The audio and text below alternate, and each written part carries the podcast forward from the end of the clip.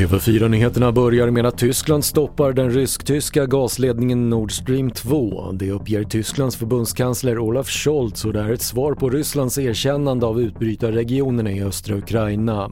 Och statsminister Magdalena Andersson fördömde tidigare idag Rysslands agerande att skicka trupper till utbrytarregionerna.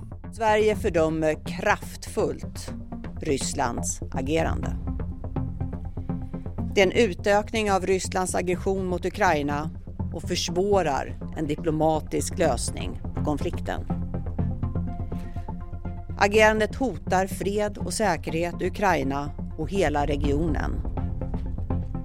Ansvaret för detta faller enbart på den ryska politiska ledningen. Och vi blev fler i Sverige under förra året men ökningen är fortsatt blygsam sedan året innan. 2020 markerade den lägsta befolkningstillväxten på 15 år och enligt Statistiska centralbyrån är pandemin orsaken med minskad invandring och överdödlighet till följd av covid-19.